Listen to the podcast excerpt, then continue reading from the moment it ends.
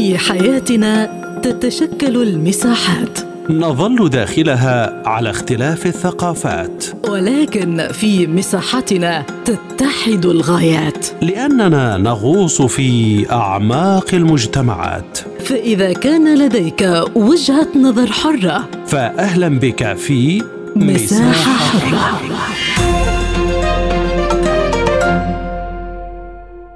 أهلا بكم مستمعينا الكرام في حلقة جديدة من مساحة حرة.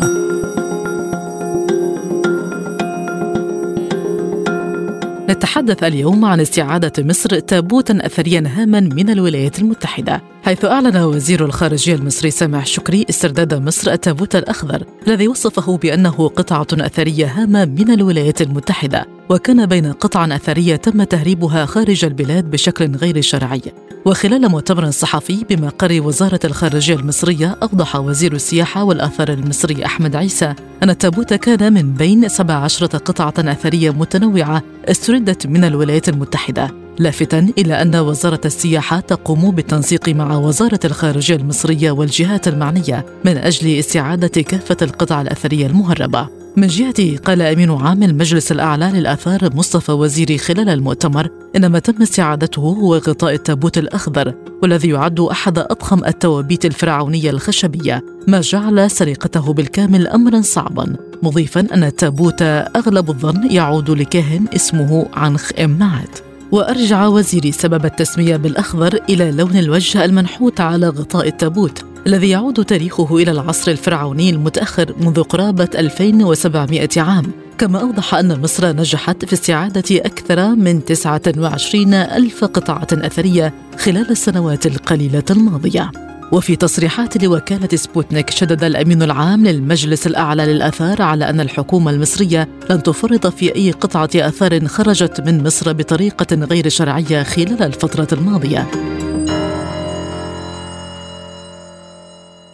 ولمناقشة هذا الموضوع ينضم إلينا الدكتور مجدي شاكر كبير الأثريين بوزارة الآثار والسياحة. بعد التحية دكتور مجدي استردت مصر من الولايات المتحدة التابوت الأخضر من بين 17 قطعة أثرية متنوعة. بداية ما أهمية هذا الأثر؟ أنا بس كلمة التابوت الأخضر أنا عندي أوبجيكشن عليها لأن يعني هو الراجل اسمه واضح. يعني هو الاسم موجود على مكتوب موجود اسم موجود جدا اللي هو عنخ إماعت أو المحب للعدالة والعائش في الحقيقة أو العائش للعدالة. فاسم التابوت موجود. لكن هم خدوا كلمة الأخضر نتيجة وجود اللون الأخضر على منطقة الوجه. واللون الأخضر هو واضح جدا وزاهي جدا فيمكن خدوا هذا الموضوع. وهو رمزية دينية. الأجداد في مصر القديمة ما كانوش بيعملوا أي فعل أو أي رمزية إلا لما يكون لها رمزية دينية. فهو عامل اللون, اللون الأصفر للجسم واللون الأصفر ده لأنه كانوا بيعتقدوا أن أجسام المعبودات في مصر القديمة كانت تصنع من الذهب اللي هو لون أو اللون كمان اللون الأصفر اللي هو لون الشمس اللي هو رمز المعبود رع أما اللون الأخضر فهو إثباتا للأرض المصرية اللي هي فيها التجدد والنماء والصفاء وإن دايما فيها زرع وفي نفس الوقت رمزية للمعبود اوزيريس اللي هو رب الموتى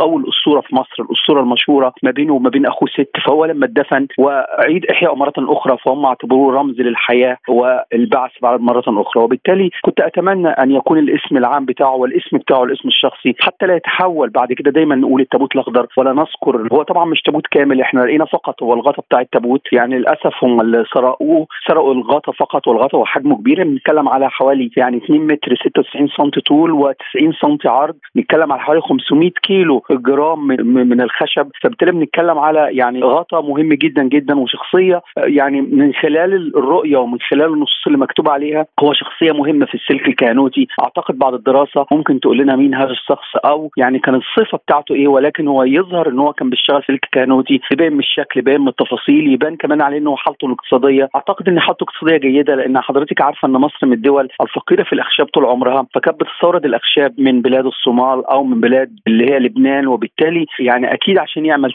تابوت بهذا الحجم أعتقد إن هو كان عنده قدرة مالية قدرة مالية جيدة عنده وضع اجتماعي أو في البلد كان وضع جيد. وبالتالي حتى بالرغم إن هو قالوا إن هو في العصر المتأخر في التاريخ المصري ومعروف إن العصر المتأخر في التاريخ المصري يعني كان اقتصاديا ما كانش جيد جدا وسياسيا ما كانش جيد جدا. فأن يستطيع الشخص أن يعني يطلع لنا هذه التحفة التحفة الفنية بهذا الشكل وهذا الجمال يعني بعتقد إن هو كان شخصية يعتبر شخصية يعني على المستوى الكهنوتي أو المستوى الديني كانت شخصية مهمة جدا جدا. وبالتالي وجود هذا التابوت أو غطاء التابوت هو شيء رائع بالنسبة لمصر ورائع بالنسبة للبشرية لأنه ما يعرض. هيجيب طبعا يعني مشاهدات كتير وهيبقى في إقبال عليه كتير. فأنا شايف إن عودة هذا التابوت مع 16 قطعة اللي ما تمش التركيز عليهم دي يعتبر أهمهم لأن هناك في قطع قطع مهمة جدا وحضرتك عارفه الحضارة المصرية. كل جزء طالع فيها مهما يكن حجمه هو يعتبر جزء من إيه مكمل لهذه لهذه الحضارة. وزير السياحة والأثار قال إنه بعد تحقيقات استمرت أكثر من عامين تمكنا من استعادة القطعة الأثرية النادرة. altura كيف استطاعت مصر استرداد هذه الآثار؟ والله يا فندم حضرتك مصر يعني كانت تجربه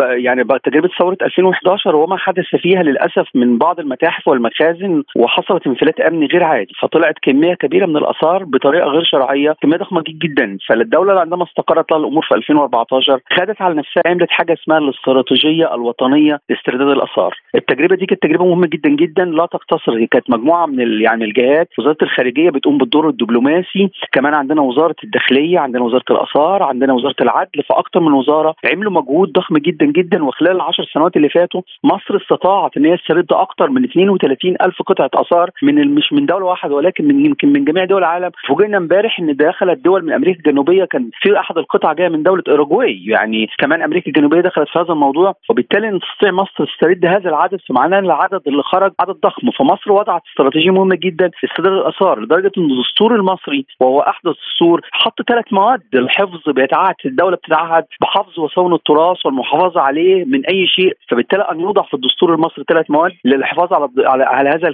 على هذا الإرث البشري المهم جدا. في نفس الوقت إن الدولة امبارح حضرتك شفتي السيد وزير الخارجية والسيد وزير السياحه والاثار يعني أن يبقى في مؤتمر صحفي دي رسالة أنا كنت بعتبرها رسالة مهمة جدا جدا. أنا ما همنيش الجزء بتاع التابوت رغم إن راجل أسر أنا همني المؤتمر الصحفي اللي عقد لأن دي رسالة للداخل والخارج. رسالة للخارج تقول لأي متحف ارجوك قبل ما تقتنع أي قطعه آثار مصرية. فكر ألف مرة. وتتحقق من الأوراق الثبوتية بتاعت هذا الأثر لأن إحنا بنعرف إن هناك بعض الأثار لها أوراق ثبوتية وتستطيع الدول أن تقتنيها لأن إحنا عندنا لغاية سنة 83 كان هناك قانون بيسمح للأسف بتجارة وتشريع الأثار وتصدير الأثار. وبالتالي خروج بعض القطع خرجت قبل 83 غير شرعية. لكن هناك الرساله اللي كانت مصر بتوجهها للعالم الخارجي قبل ما أي متحف تقتني قطعة آثار أرجوك ابحث في هذا الموضوع وتحقق منه كويس جدا لأن عندنا متحف هيوستن اللي تمت منه عودة غطا التابوت امبارح هو متحف محترم في الولايات المتحدة الأمريكية وأكيد هو ما تنزلش عن هذه القطعة الفريدة اللي متأكد إن هذه القطعة هي قطعة يعني بالنسبة له هي القطعة يعني مش مش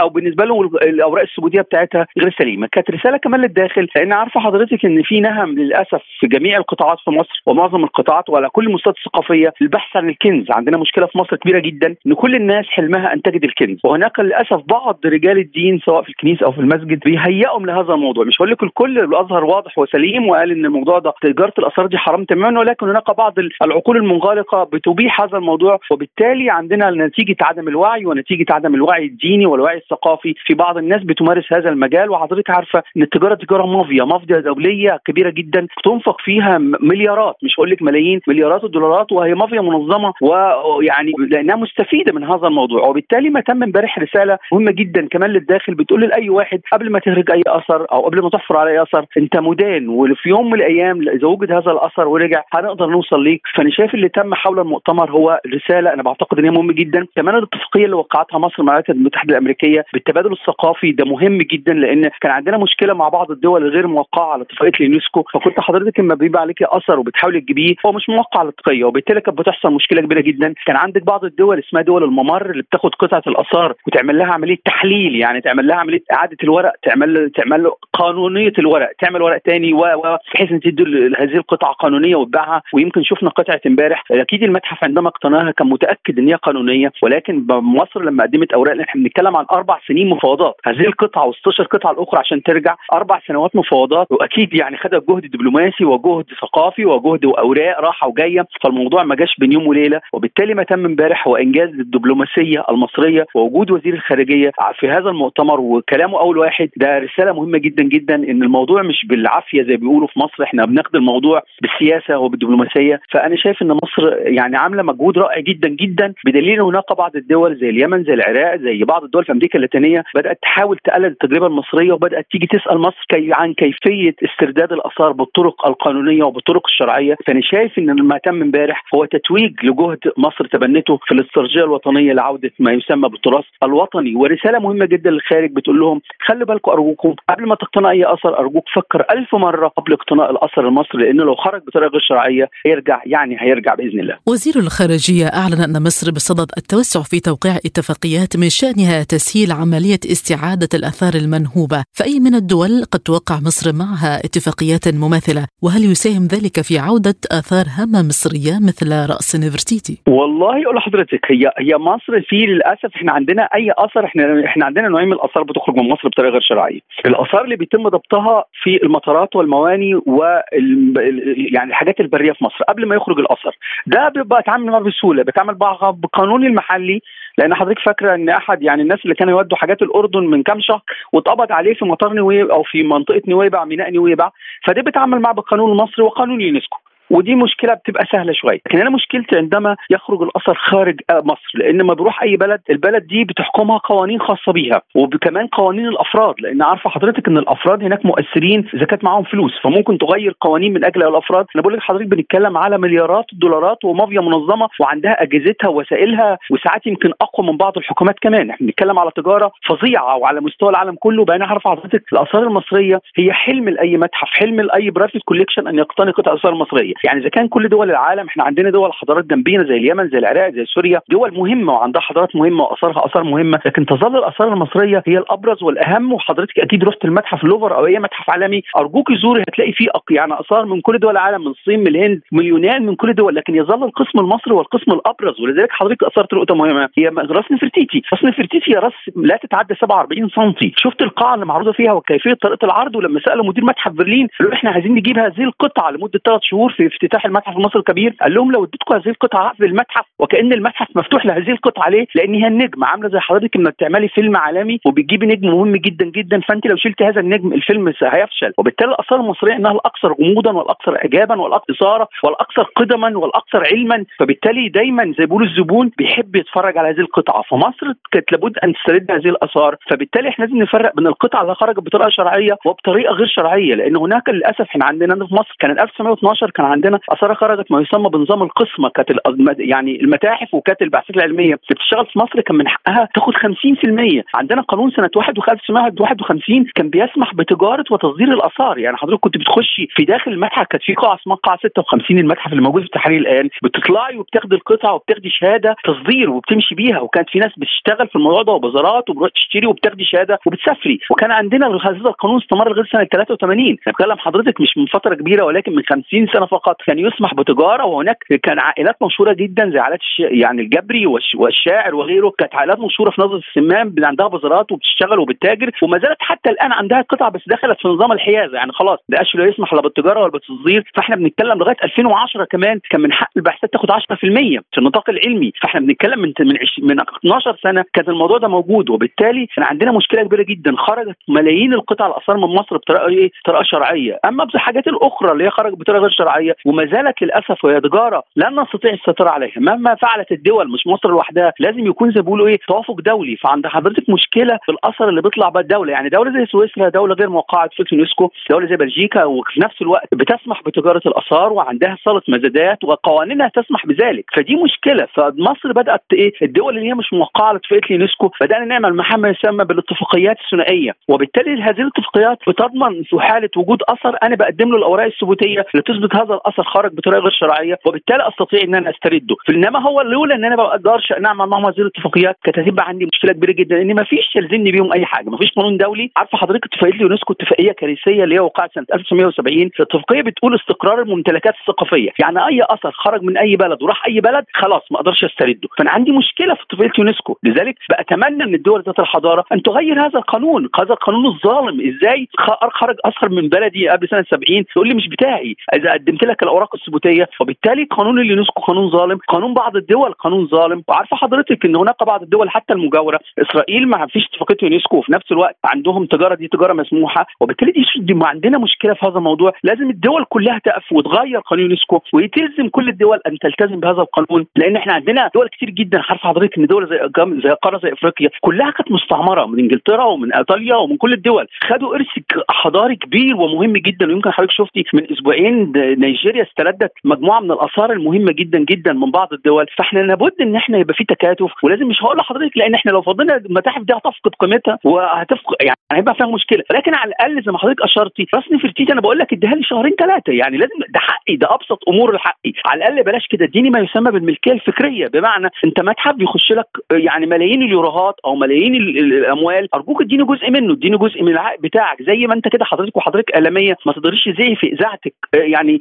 قطعة موسيقى اللي إذا كنت حاصلة على تصريح من الشخص بتاع اللي بيمتلك هذه القطعة فإزاي قطعة موسيقى أو قطعة فنية أو فيلم ما أقدرش أعرضه عندي إلا بحق الملكية الفكرية وأثر كامل كامل يعني مثال مثلا حوالي 100 طن ولا تمثال ضخم جدا حوالي 500 طن ما أقدرش ما أقدرش أستفيد منه لا ماديا ولا ثقافيا. أنا شايف إن في مشكلة كبيرة جدا جدا في العالم. لابد إن لازم يقعدوا خاصة الدول ذات الحضارة زي مصر زي العراق زي اليمن زي زي اليونان زي إيطاليا يقعدوا ويحاولوا يغيروا القانون الدولي ويبقى في إلزام لكل دول العالم لأن إذا استمر هذا الموضوع إحنا بكلم حضرتك بقول لحضرتك 30 و30 ألف قطعة اثار رجعت. أمال اللي موجود كام؟ واللي بيتهرب كام؟ فإحنا بنتكلم على تراث بيستنزف مش في مصر فقط ولكن في العراق في سوريا في دول عندها كتير جدا عندها هذه المشكلة. فإحنا لازم نحاول نغير هذا القانون الدولي لعل وعسى إن شاء الله. تحدثت دكتور مجدي عن أن هناك دولا تحذو حذو مصر في مجال استعادة الآثار. ماذا عن مساهمة مصر لمكافحة عمليات التهريب والاتجار بالآثار على المستوى الدولي؟ والله حضرتك مصر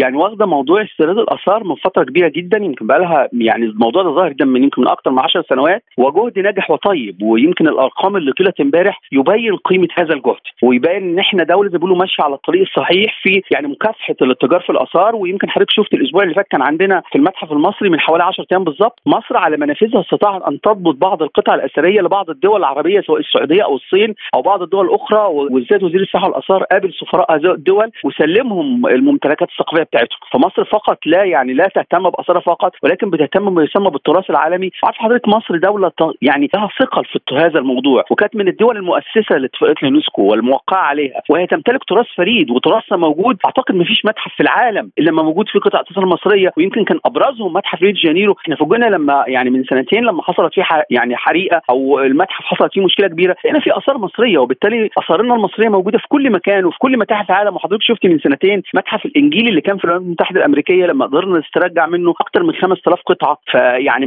آثار الاثار المصرية في كل شيء. لأن عارفه حضرتك تاريخ مصر مش كلمه 7000 سنة ده, ده كلام فاضي. تاريخ مصر أكبر من كده بكتير جدا. أكبر دولة في العالم عندها آثار ويمكن اللي في باطن الأرض أكثر من اللي طلع. يعني بقول لحضرتك إحنا عندنا في باطن الأرض المصرية آثار مش توازي اللي طلع ده يمكن أخطر. إحنا عندنا مقابر لم يعلن عنها حتى الآن ولم تكتشف زي مقبرة كليوباترا اللي أعتقد إحنا عندنا أكبر مقبرة وأهم مقبرة في مصر هي مقبرة توت. بنقول عليها هي الأبرز والأهم وأكبر مقبرة لأن أكثر من 5400 قطعة. فأنا بقول لحضرتك لو اكتشفنا مقبرة مثلا كليوباترا هتبقى قد توت يجي 20 مرة. لو اكتشفنا مقبرة الإسكندر أعتقد هتبقى أكبر مقبرة في الدنيا. عندنا بعض الملوك في مصر في الدولة الحديثة أسمائهم موجودة ولم نعثر على مقابرهم حتى الآن. عندنا نفرتيتي لم نعثر عليها حتى الآن. فإحنا عندنا لسه زخم كتير تحت الأرض المصرية. ما زال ملايين القطع وأعتقد ما يوجد في باطن الأرض أكثر كتير جدا من اللي يوجد إيه؟ اللي بيوجد بيوجد في المتاحف. فمصر دولة ثرية فكان لابد أن تحط استراتيجية وطنية لعودة تراثها أو لعودة جزء مهم جدا. وحضرتك شفتي في الكام سنة اللي فاتوا مصر يعني أعادت وافتتاح أكثر من 34 متحف. وجود برضه الإيفنتين اللي حصلوا 2020 اللي هو افتتاح طريق الكباش ونقل المومياوات المصرية ووجود السيد الرئيس في الحفلين دول اداهم زخم اداهم أعتقد إن كل الدنيا كلها في اليوم بتاعنا المومياوات كانت بتتفرج على مصر. أعتقد ما فيش وسيلة إعلام إلا لما اتكلمت عن مصر في هذا اليوم ويوم الكباش. كانت حفلة أكثر من رائعة ووجود رئيس الدولة في حد ذاته في هذا الموضوع. ادى الموضوع يعني زي بيقولوا زخم كبير جدا. كمان إحنا عندنا المتحف المصري الكبير أعتقد ان كل وسائل الإعلام بتتابعه لما بننقل قطعة بنهتم بيه وكل الدول وكل المجالات الثقافية منتظرة افتتاح هذا المتحف الذي سيعتبر أكبر متحف من حيث المساحة واكبر متحف إن هو بيضم الحضارة المصرية. في إن هو هيعرض لنا آثار توت كلها ال 4396 قطعة تعرضوا في هذا المتحف. هنشوف كل آثار توت لعب الأطفال بتاعته والأكل اللي كان بياكله واللبس وال scarf اللي كان بيحطه على رقبته للتابوت لل mask. يعني هنشوف كل آثار توت وبالتالي ما هذا الزخم مدي مصر يعني مجال مهم جدا. فالدولة من كل قياداتها من أعلى القيادة من الرئيس السيد الرئيس لغاية قال لي واحد بقول لك حضرتك دستوريا الدستور في ثلاث مواد رئيس الدولة مهتم رئيس الدولة كمان هو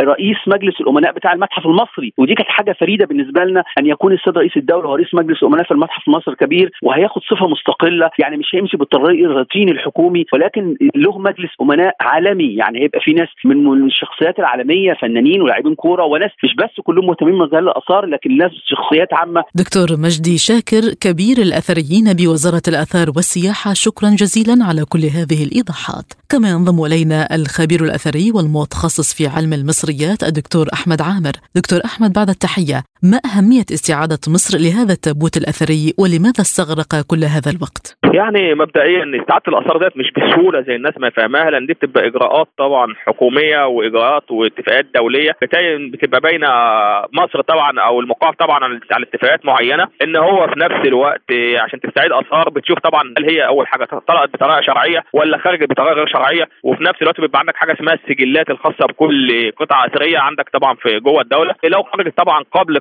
83 بالتحديد ما بتقدرش تستعيدها لأن كان في فترة من الفترات يتم تجارة الآثار وفي نفس الوقت كان في البعثات بتقوم. آه، لما كانت بتعمل في مصر في المجال الحفائر والتنقيب على الآثار كان في حاجة اسمها المناصفة آه، بمعنى أوضح. فلذلك كان الكلام ده كان متاح أو مباح في مصر في تلك الفترات. بل كمان كان قبل 83 كانت بيتم بيعة الآثار في خان الخليلي والأماكن الأثرية. ما كانش فيها مشكلة. إلى أن تم عمل قانون الآثار وتعديلاته في 2010 قام بالتجريم آه، بيع القطع الأثرية في مصر بشكل بشكل نهائي يعني. ودي من الحاجات الهام طبعا اللي حصلت في تلك الفترات. آه، أهمية طبعا رسالة القطع الأثرية هو اولا مبدأ يعني لما نيجي نتكلم عن هذا الأمر بنقول إن القطع الأثرية نفسها لما بيتم استعادتها هي المفروض تعرض في المكان اللي هي موجودة فيها. يعني مثلا هي القطع الأثرية من مصر سواء خرجت بقى من الأقصر من أسوان من من القاهرة من الجيزة. هي مكان القطع الأثرية يعني أهميتها بتبقى يعني بتبقى متواجدة في الأماكن اللي هي تم اكتشافها فيه. دي طبعا بيبقى حدث هام جدا. يعني هي تبع الدولة المصرية بالتالي مكانها الطبيعي يكون عند الدولة المصرية. فلذلك بيبقى الموضوع ده أهميته. ثاني حاجة ناس كتير بتقول إحنا عندنا أثار كتير جدا. بالفعل إحنا عندنا أثار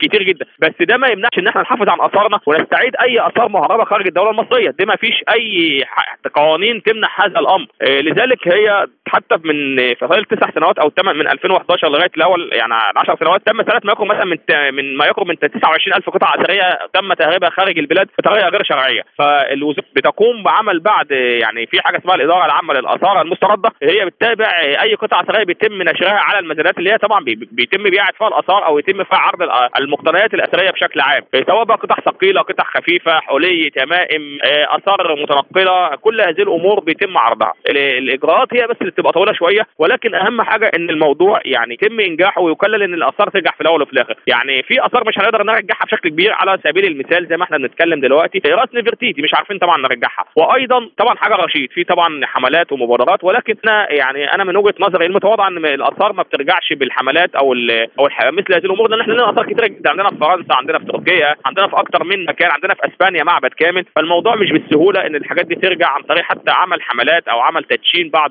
الوثائق أو أو طباعه بعض الكتابات إن هي يتم ارجاع هذه الأثار. لما بنيجي طبعا بنتكلم عن هذا التابوت طبعا الموضوع عشان تبقى الناس برضه متابعة معانا إن هذا غطاء التابوت بالتحديد يعود للعصر المتأخر من الأسرة 27 للأسرة 30 واحتمال كبير جدا يكون تم العثور عليه في منطقة مصر الوسطى. الغطاء نفسه يبلغ طوله ما يقرب من 2 متر و94 سم والعرض نفسه 90 سم ويزن تقريبا حوالي 500 كيلو جرام. وهو طبعا أضخم من أضخم التوابيت التي تم العثور عليها في مصر حتى الآن. النصوص نفسها المنقوشة عليه بتوضح إن طبعا كان أحد الكهنة كما يشير طبعا اللون الأخضر اللي هو كان مقرب من الحاكم في تلك الفترات. يعني هو يعني التابوت لكاهن. كمان بنتكلم كمان إن استغلال التابوت من الولايات المتحدة الأمريكية بعد تهريبه بشكل غير قانوني إيه طبعا كان إن لصوص المقابر قربوا التابوت للخارج دون قاعدته لصعوبة الأمر طبعا. لأن طبعا قاعدة التابوت نفسها متواجدة بموقع الحفر اللي, طبعا تم سرقة منه هذا التابوت. ليه الناس كثير بتسال سمي بالتابوت الأخضر؟ سمي بالتابوت الأخضر بسبب طلاء إيه لون الواجب باللون الأخضر. ان اللون الأخضر في الحضارة المصرية القديمة له خصوصيه وطبعا بيتم للشخصيات اللي هي من كبار رجال الدولة خلال حكم الفترة آه، في الدولة المصرية القديمة أو اللي هم الفترة اللي هم عاشوا فيها وفي نفس الوقت كمان بيتقلدوا مراكز مرموقة من الحاكم. فالموضوع طبعا يعني موضوع خطوة طبعا هامة جدا إن هي ممكن تبقى استعادت آثار كثيره جدا. طبعا طول انتظار طبعا بتبقى الموضوع صعب في نفس الوقت بس أنت مرتبط بإجراءات قانونية وإجراءات آه، معقدة آه، وأنت كمان في نفس الوقت موقع على هذه الاتفاقيات يعني. استعادة مصر أكثر من 29 ألف قطعة أثرية خلال ثماني سنوات ما تقييمكم لهذا الجهد؟ هو هو جهد كبير جدا وموضوع شق جدا بالنسبة للدولة المصرية. بس في نفس الوقت في حاجة مهمة جدا. إحنا القطع الاثريه ده ما يمنعش إن في قطع اثريه قد كده ثلاث أربع مرات يعني. ده ده حاجة ما فيش يعني يعني يعني فراغ منها. ولكن هو أنت النهارده بتبتدي بيتم إرجاع القطع الاثريه عن طريق بعض الجهات المعنية في الدولة المتمثلة في وزارة السياحة والآثار الإدارة العامة للآثار المستردة. ومنها طبعا بيتم إشراك وزارة الخارجية طبعا باعتبار إن هي الجهة المنوطة بالتعامل مع الجهات الدولية في خارج مصر. ايا كانت الدولة هي هي طبعا بيتم التواصل ما بين السياحه وزارة السياحه والآثار ووزاره الداخلية والخارجية ومنها طبعا بيتم طبعا التواصل أو بتبقى هي قناة الوصل بين وزارة الخارجية والدول اللي هي طبعا بتتواصل معاها سواء الولايات المتحدة الأمريكية سواء إسبانيا سواء فرنسا سواء طبعا إيطاليا آه، سواء مثلا الدول العربية زي الكويت آه، ايا كانت الدولة الإمارات المهم هي الوسيط بيننا وبين أي دولة. لذلك الموضوع طبعا بياخد شق كبير جدا ومجهود لأن طبعا لازم تطلع تثبت كيفية خروج هذه القطع الأثرية من البلاد يعني لازم تثبتها سواء مثلا خرجت قبل 83 ولا بعد 83 وفي نفس الوقت كمان آه، هل اللي اشتراها دي اشتراها بسند ملكية؟ لأن القطعة الأثرية لازم يبقى لها سند الملكية. سند الملكية اللي هو التوصيف خاص بالقطعة الأثرية تاريخ خروجها من من الحفر تحديدا من الذي اكتشف من الذي سوق. دي حاجة اسمها بيسووها حاجة اسمها التوثيق الأثري أو التسجيل الأثري. فلذلك بيبقى أنت بترجع لهذه السجلات وهذه الوثائق عشان تثبت ملكية التابوت الأثري بالنسبة لك أو ملكية الأثار بشكل عام. نفس الوقت بيبقى الموضوع فيه مشقة جدا آه، لأن طبعا مكاتبات ومخاطبات. ولذلك لما بيتم عرض أي قطعة اثريه في مزاد لو اللي اشتراها اللي اشتراها بدون سند ملكية آه، يعني يعني إيه كلمة سند ملكية؟ يعني مثلا شخص قبل 83 كان بيشتري الأثار في مصر فهو اشتراها ولا سند ملكية. آه، طيب لو هو أصلا هذا الشخص اللي خرج هتكره في الأيام ديت معهوش سند ملكية؟ فبالتالي بيتم إرجاعها للدولة المصرية بسهولة جدا. إن إيه؟ يعني طبعا كل كل القانون نفسه بيحكمك فاللي بيشتري ده ممكن في ناس طبعا بتقول ممكن تقول لحضرتك ما في ناس بتشتري آثار معاه سند ملكية. أقول لك ما هو ممكن حضرتك يشتريها ويشيلها عنده في في منزله في مكان ما حدش يشوفها. فبالتالي أنت مش هتعرف توصل لها حتى لو هي هربت بطريقة يعني طبعا التهريب طبعا كله بطريقة غير شرعية وفي نفس الوقت آه، عشان تبقى الناس متابعة هذا الحدث اللي إحنا بنتكلم فيه ممكن ما تطلعهاش وهي تبقى مهربة من عندك بالفعل بس أنت مش عارف توصل لها هي فين بالظبط. ففي ناس بتشتري الآثار وتقوم بإخفائها آه، بعيد عن عيون عشان ما حدش يشوفها بيحتفظوا بها مدى الحياة. هناك ثلاث مواد في الدستور المصري حول الآثار وحمايتها وبعض الآثار لا تزال تتعرض للسرقة. ماذا عن جهود مصر الداخلية لمنع سرقة الآثار؟ هو حضرتك اللي بيسرق الآثار ده أساسا مش بيبقى في دماغه الدولة رقم واحد. هو كل همه الثراء السريع ده أول حاجة. لأن هو بيقول لك دلوقتي أنا بسرق حاجة. هو بالنسبة له على عقيدته آه، مش فارق معاه الآثار نفسها وكل اللي همه إن هو يجمع أموال. فبالتالي أنا شايف إن القانون طبعا هو القانون طبعا يعني تم تعديله وبقى هام جدا. ولكن في نقطة أنا متوقف عنها يمكن أنا دايما بتحدث فيها بقول إن لازم اللي الشخص اللي يتم يعني ضبطه بالتنقيب عن الآثار يحصل معاه حاجتين. اولا سجن مدى الحياة. تم تم ثاني شيء مصادرة جميع أمواله سواء بقى ايا كانت الأموال دي مع مين. يعني يشوفوا يتتبعوا بمعنى صح يعني إدارة الكسب غير المشروع تتبع شوف هذه الثروات اللي ظهرت على هذا الشخص وفي نفس الوقت يتم مصادره جميع الأموال وحبسه مدى الحياة لأن ده الحل الوحيد لأن لازم يبقى في عقوبه غدا عشان الناس تخاف لكن الناس مثلا ما بتخافش ليه؟ لأن يقول لك أنا أنا مثلا ممكن بعد فترة أعمل فلوس وفي نفس الوقت طبعا هناك ثغرات برضه بتبقى من الوارد ان يكون في ثغرات في القانون يقول لك أنا هقعد سنتين ثلاثة 10 بس هيطلع معايا ثروة. فهو الحل إن أنا أحب يعني اسجنه مدى الحياة وآخد فلوسه كلها لأن دي دي فلوس دي فلوس دولة مش فلوس شخص. فلوس ده بيطلق عليه مال عام والآثار في القانون يطلق عليها لا تقدر بثمن. أي قطعة ثريه لا تقدر بثمن. أنت النهارده ده راجل بيهرب دولة وبيهرب تراث حضاري الناس كلها أصلا بتحس يعني بتحسدنا عليه. طبعا مصر الدولة الوحيدة على مستوى العالم اللي فيها علم الآثار بيدرس في الجامعات علم الإيجيبتولوجي. فبالتالي ده الموضوع مش سهل يعني الموضوع صعب جدا. ده اقتراحي أنا الشخصي. ما توقعاتكم للتعاون الدولي فيما يخص استرجاع الآثار؟ هل يشهد تقدما؟ يعني هو أنت بتحكمك اتفاقيات الناس كلها تقريبا موقعة عليها. فانت عشان تعدل هذه الاتفاقية لازم جميع الدول التي قامت بالتوقيع على الاتفاقيه الأولى توقع عليها في الاتفاقات الثانية اللي هي موجودة في الاتفاقات اللي يونسكو كما أطلق عليها هي المحافظه على التراث الحضاري والأثر والهوية. فبالتالي أنت مرتبط بحاجات باتفاقيات. فالنهاردة ما فيش حد هيرجع لك حاجة إلا إذا تم تعديل هذا القانون. لكن هناك تعاون آه هناك تعاون. طالما أنت بتقدم سندات ومستندات فبالتالي الموضوع هيبقى سهل جدا. إنما لو أنت مش مقدم أي شيء كيف كيف أتعاون معك شفهيا؟ التعاون مش شفهي. التعاون بيبقى عبارة عن بمعنى أوضح مستندات وأدلة وتقديم أدلة. يعني لا تقبل الشك باليقين كما يطلق عليه. يعني أدلة قاطعة. فبالتالي هو من هذه الفترة بيبتدي يتعاون معاك. لأن أنت النهارده تقول الاثار ديت ملك ليا. طب إيه اللي تتنام ملك ليك أنت ممكن تكون مباعه قبل القوانين التي قامت الدول بالتوقيع عليها. لذلك أنت بتحكمك قوانين نفس الوقت أنت ماشي عليها سواء يعني الدولة المصرية أو غير الدولة المصرية. الخبير الأثري والمتخصص في علم المصريات الدكتور أحمد عامر شكرا جزيلا على كل هذه الإيضاحات. الشكر موصول لكم مستمعينا الكرام بإمكانكم الاطلاع على المزيد عبر موقعنا سبوتنيك دوت اي